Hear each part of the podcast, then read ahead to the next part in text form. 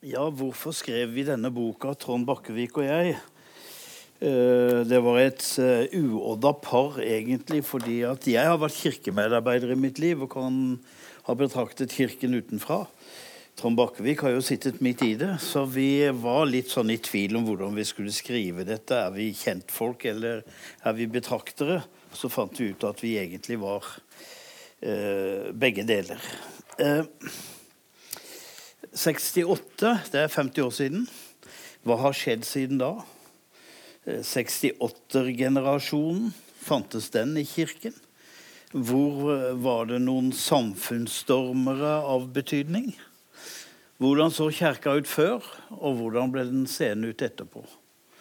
Det har vært en veldig stor forandring, og hvorfor ble det, ble det sånn? Eh, historieverk om Den norske kirke siste 50 år får noen andre skrive. Men vi har sett en del ting som vi ville beskrive. Gå tilbake til 40-tallet. Grini. Der sitter to mann i dyp samtale. De er begge arrestert av naziregimet. Den ene heter Einar Gerhardsen. Den andre heter Ole Hallesby. Den ene leder av Arbeiderpartiet, en radikal mann. Den andre en ganske konservativ kristen leder som har stått i strid hele sitt liv, og som er, eh, som eh, mange vil si, er ganske bakstreversk. Og Hallesby spør og spør hva er det Gerhardsen vil fram til, dette med solidaritetssamfunnet? For han kjenner igjen disse tankene fra sine egne betraktninger om nestekjærligheten. Er det ikke egentlig det samme vi snakker om? På Grini planla disse elitefolkene i samfunnet framtida. Og både Gerhardsen og Hallesby så for seg at kirken og arbeiderbevegelsen med sine felles mål om solidaritet og nestekjærlighet virkelig kunne bli til noe etter krigen. Det ble det aldeles ikke. Arbeiderpartiet så ut for kristenfolket som eh, kristendomsfiendtlig, og det var mange innenfor arbeiderbevegelsen som hadde grunn til å være det. De hadde sett for mye av den borgerlige kirke, og kirken var meget borgerlig for 50 år siden. Knut Lundby, en sosiologstudent, siden professor i sosiologi, lagde en undersøkelse i 1969 om da det kirkelige landsmøtet var samla, og fant ut Han spurte dem hva de stemte på ved siste valg. Og Da viste det seg at kirkeledelsen, altså dvs. Si biskoper, bispedømmerådsmedlemmer osv.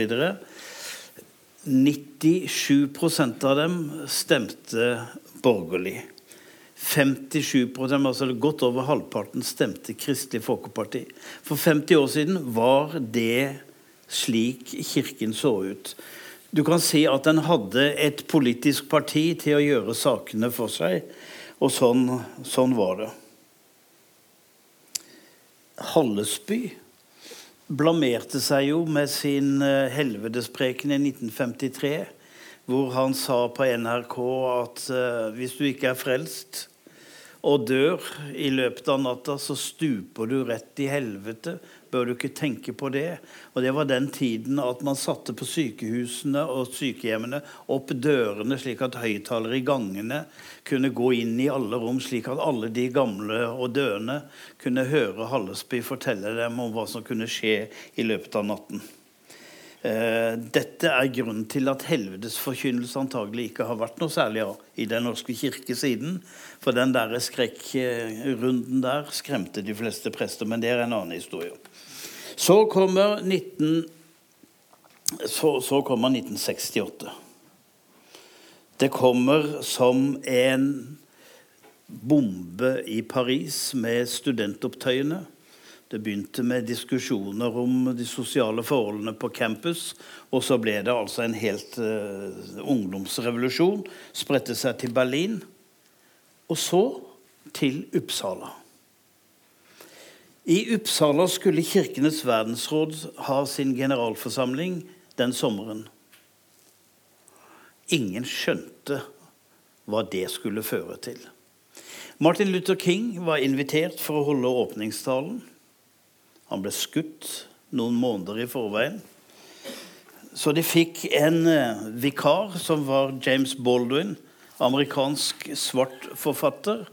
Og bare i hans åpningstale så antydet han hvor kirken kom til å gå, og hvordan kirken satt fast i sine egne strukturer. For i sin tale i Uppsala domkirke sa James Baldwin ikke bare jeg, men hver eneste svarte mann kjenner hundrer av mennesker, tusen av mennesker som går til grunne i mitt land, USA, mens vi står her.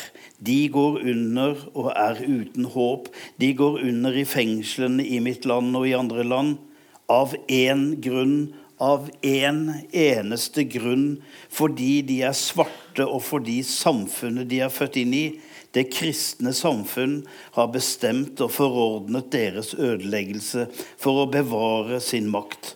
For enhver som tar galileerens forkynnelse alvorlig, er dette naturligvis meget nær synden mot Den hellige ånd, den som er uten tilgivelse.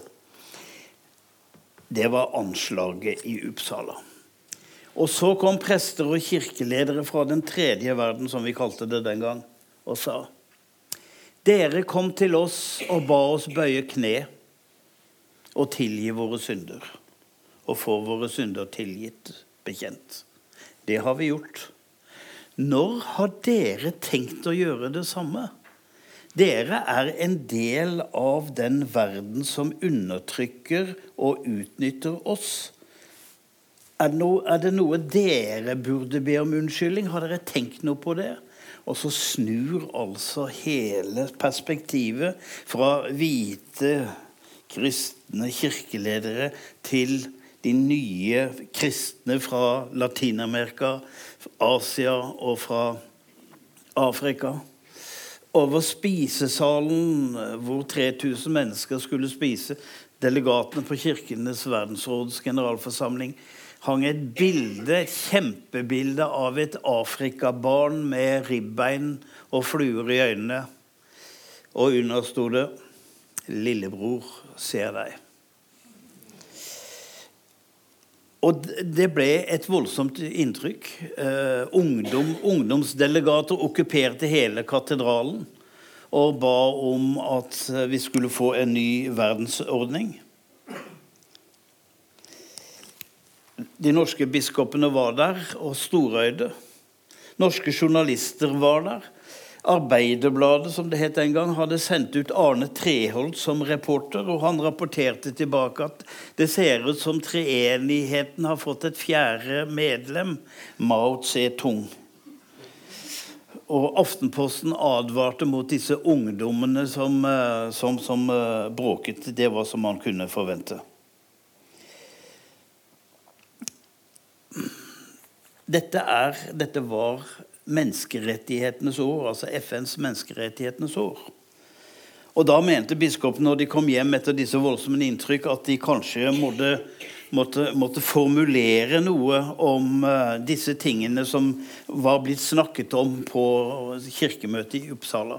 Men de, de hadde så store problemer med det, det, kristelige språket sitt som ikke fungerte så godt med denne virkelighetsbeskrivelsen, så de fikk en redaktør i Morgenposten, som da den gang ble utgitt, til å kladde en uttalelse. Men, tro det eller ei, for 50 år siden, i 1968 skrev bispemøtet følgende i en uttalelse om menneskerettighetene. Derfor må vi si klart fra at maktpolitiske og strategiske overveielser aldri kan rettferdiggjøre inngrep i andre folks selvbestemmelsesrett. Hensynet til én folkegruppe kan aldri rettferdiggjøre undertrykkelse av en annen. Hensynet til ro og orden kan aldri rettferdiggjøre vilkårlige rettsbehandling.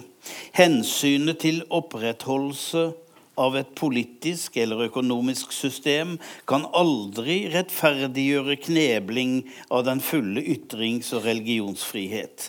Hensynet til de som i dag sitter med kapital, kunnskap og erfaring nok til å utnytte jordens rikdommer, kan aldri rettferdiggjøre utbytting av billig arbeidskraft eller urimelig utnyttelse av andre lands og folks ressurser. Vi snakker om Den norske kirke i 1968. Dette er ikke fra Klassekampen, det er fra bispemøtet. Og dagen av vårt land så var de kristelige dagsavisene fulgte jo opp dette. De syntes dette var aldeles strålende. Dette var veldig interessant å opplyse sine lesere om. Men tida var ikke moden. 1972 går det rykter i Stavanger om at to studenter fra Misjonsskolen er sett i 1. mai-toget. Eh, den ene av dem var Trond Bakkevig, som var med å skrive denne boka, som akkurat nå altså, endte som prost i Aker. Den andre var Tor B. Jørgensen, som eh, ble biskop. Og de ble innkalt til generalsekretæren i Misjonsselskapet og spurt om de ikke visste at det var uforenlig med den kristne tro å gå i et 1. mai-tog som organiserer mennesker som tror på Marx, og for Marx er religion opium for folket. Marxisme og kristen tro kan ikke kombineres. De var nesten truet med å bli utvist fra misjonsskolen. To år seinere er det et par studenter på misjonsskolen, samme, som stiller på lista til Sosialistisk Venstreparti i kommunevalget. Og de får beskjed, Enten så, det, så dere fra list, strykes dere fra listen, eller så må dere slutte på Misjonshøgskolen. Og de valgte altså å, at uh, utdanningen til å bli misjonær var litt viktigere enn å, å, å, stå på lista til kommunevalget. Og det var debatt overalt. Etter hvert så kom Forum for kristne sosialister.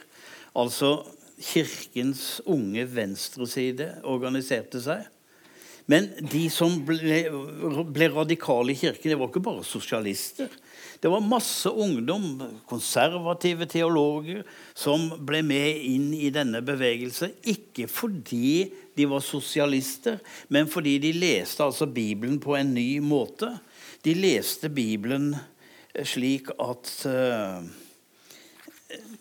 at det var andre kjernesaker som var viktigere enn ungdommens underliv og seksualmoral. Så kommer en sak som på en måte velter bordet helt. Og det er kampen mot apartheid. Det kommer noen folk til Norge som forteller om hvordan det er i Sør-Afrika. Desmond Tutu er nærmest en misjonær fra Afrika til Europa for å fortelle hva som foregår.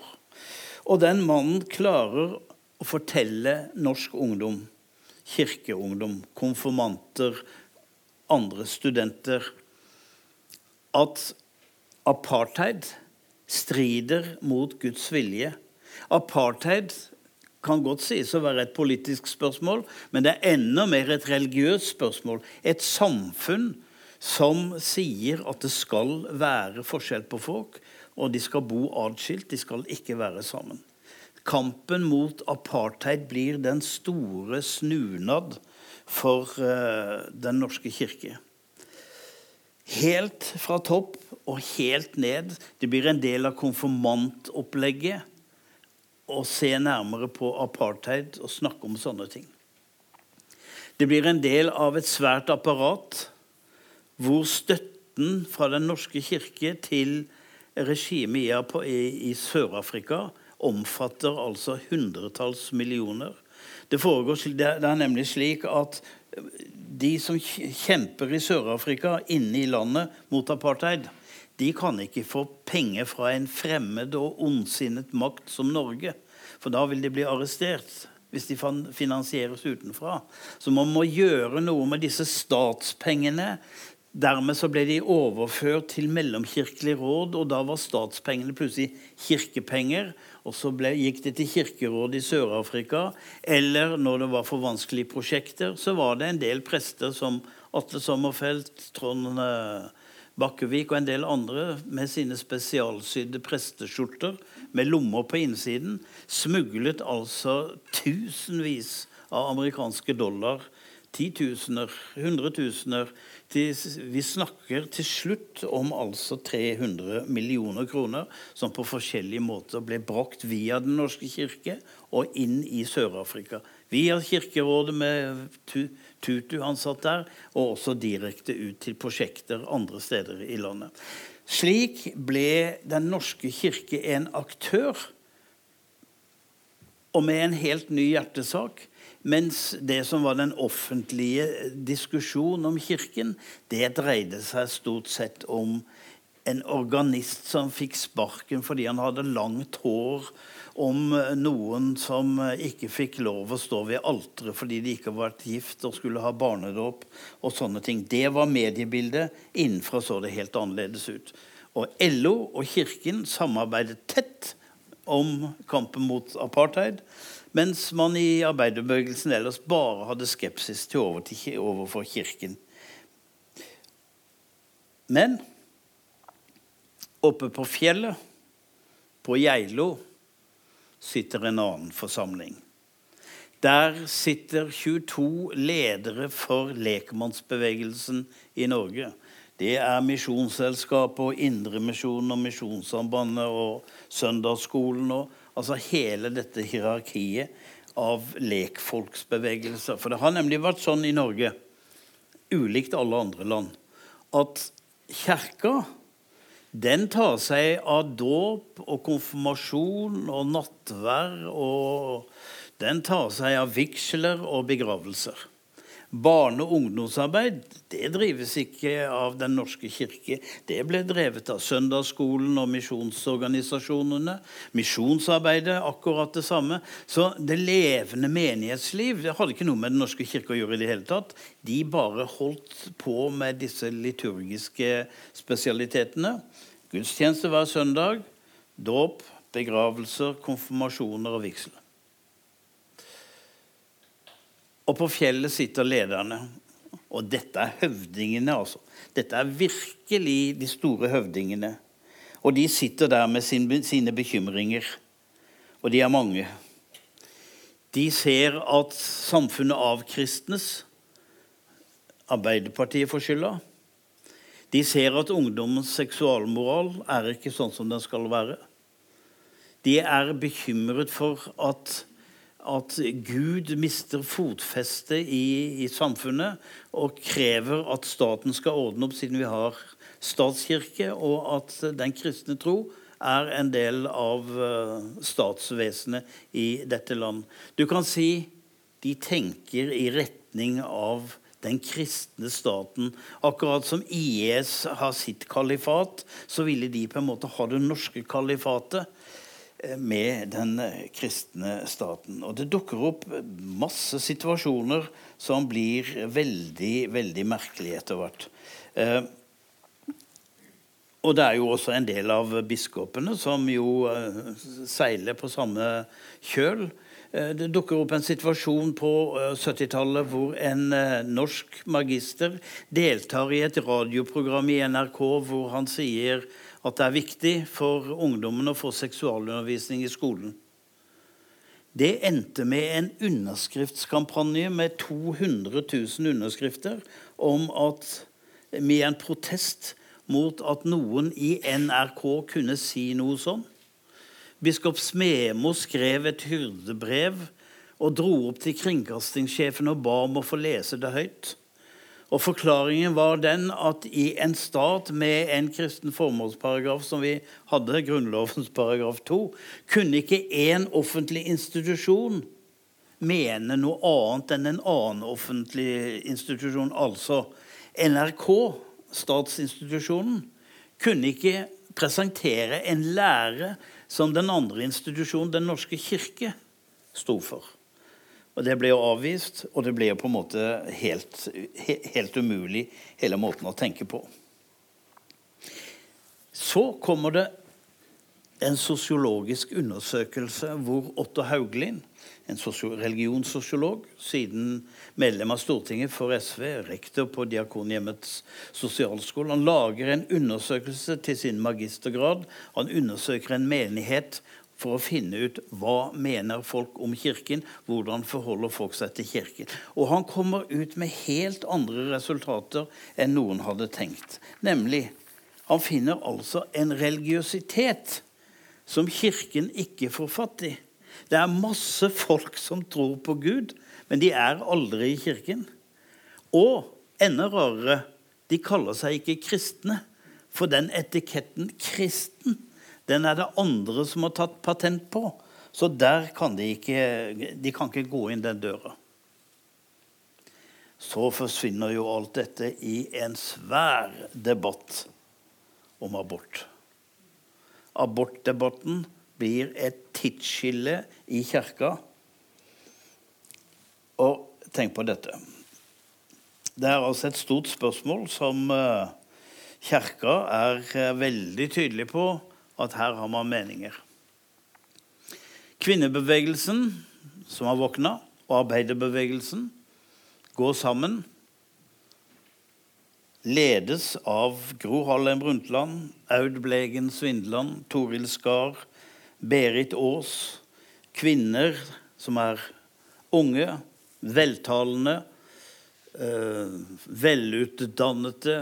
Alle har kontakt på grasrot med kvinner i en vanskelig situasjon. Hvem stiller Kjerka med? De plukker ut én.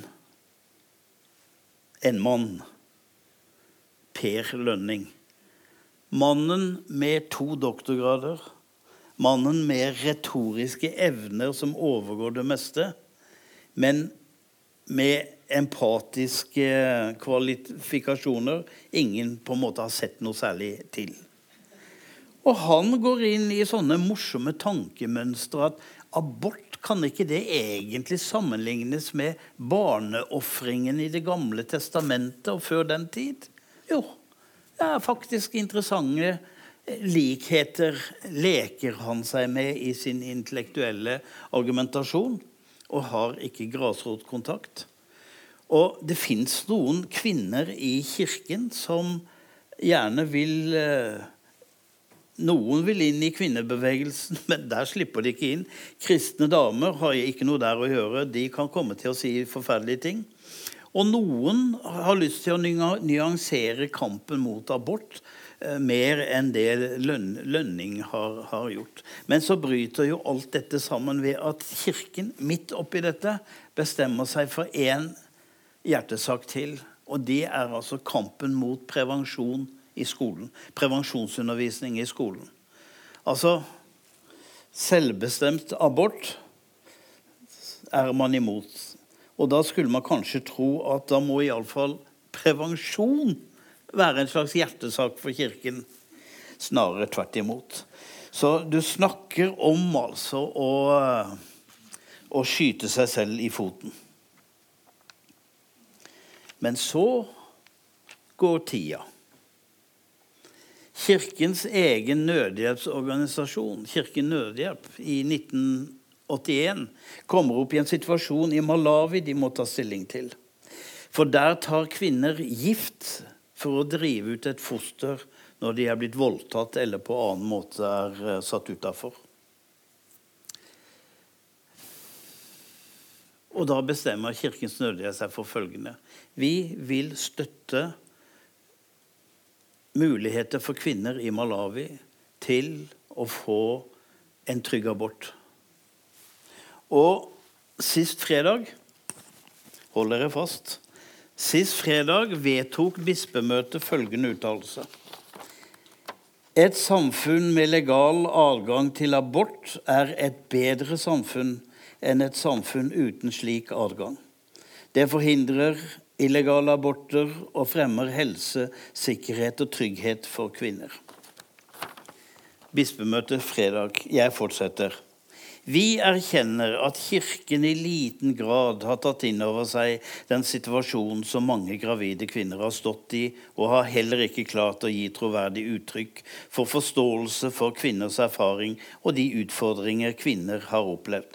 Tvert om har Kirken som institusjon gjennom historien vist manglende engasjement for kvinners frigjøring og rettigheter. Det beklager vi. Som kirke må vi forandre vår måte å snakke om abort på. Det er på det rene at Kirkens holdning har påført alenemødre en krevende belastning. Tidligere kunne barn født utenfor ekteskap bli nektet dåp, og ugifte foreldre fikk ikke stå sammen ved døpefronten. Dette er Den norske kirke per i dag, og jeg sier hurra. Samtidig så kommer det impulser utenfra Plutselig er det kampen for uh, flyktningers rettigheter i Norge som blir viktig. Uh, kampen mot atomvåpen.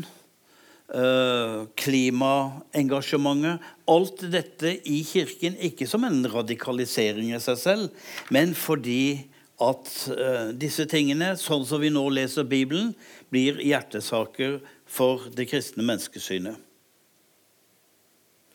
Så dette Kristelig Folkeparti fra hverandre. Rød og blå. Alt dette jeg nå snakker om, skjer i Den norske kirke. Og mange der stemmer Kristelig Folkeparti. Og mange i Kristelig Folkeparti får impulser fra det som jeg nå har beskrevet. Og de blir en slags rød del av Kristelig Folkeparti. De andre, det blå, vinner den kampen. Eh, kristenfolket har snudd seg til venstre. Kristelig Folkeparti snur seg til høyre. Og de som, veldig mange av de som sitter sentralt i Kristelig Folkeparti på den siden, er folk som kommer fra andre kirkesamfunn enn Den norske kirke. De kommer fra pinsebevegelsen, som før var radikal, men som nå er veldig konservativ politisk forstand, og andre frikirkelige elementer som, er, eh, som står altså et helt, eh, helt annet sted. Hele homokampen, som er en annen ting, har akkurat det samme ved seg, hvor Kirken snur langsomt. Men altså til, til, slutt er det slik nå i dag at ungdom som, stri, som, sliter med sin identitet om dette, de går gjerne og snakker med en prest, for det er de som har best tid og mest omsorg. Men har Gud skifta mening? Svaret på det er kanskje følgende. Se litt tilbake. Kvinnelige prester. Først var det sånn at kvinnelige prester det stred mot Guds vilje. Det var altså et salighetsspørsmål. Er du for kvinnelige prester, så har du satt deg på tvers av Guds ord. Så går det ti år, og så er det mange av disse prestene som får døtre, som vil studere teologi. Og så blir det sånn at ja, dette, dette spørsmålet kan vi ha to syn på i kirken. Og Så går det enda ti år, og da er det så få kvinneprestmotstandere igjen at de ber om å få noen særordninger, sånn at de kan slippe å være sammen med kvinnelige prester, men likevel være prester. Så kommer homospørsmålet. Og om homospørsmålet sier jo Kirkemøtet på 50-tallet at det er en internasjonal forferdelighet, og de er på framgang, og dette er altså den store synden så er det noen prester som har sønner som er homofile. Og døtre som er lesbiske. Ja, det er enda prester som er homofile. Så da blir det sånn at ja, dette kan vi ha to syn på, men de kan iallfall ikke være prester. Og vi kan iallfall ikke vie dem. Men så ser vi hvordan det gikk. Til slutt så blir det akseptert, og i dag ber prester som har en annen mening, om at det må være plass for dem også, slik at det kan eh, være på. Så har Gud skiftet mening?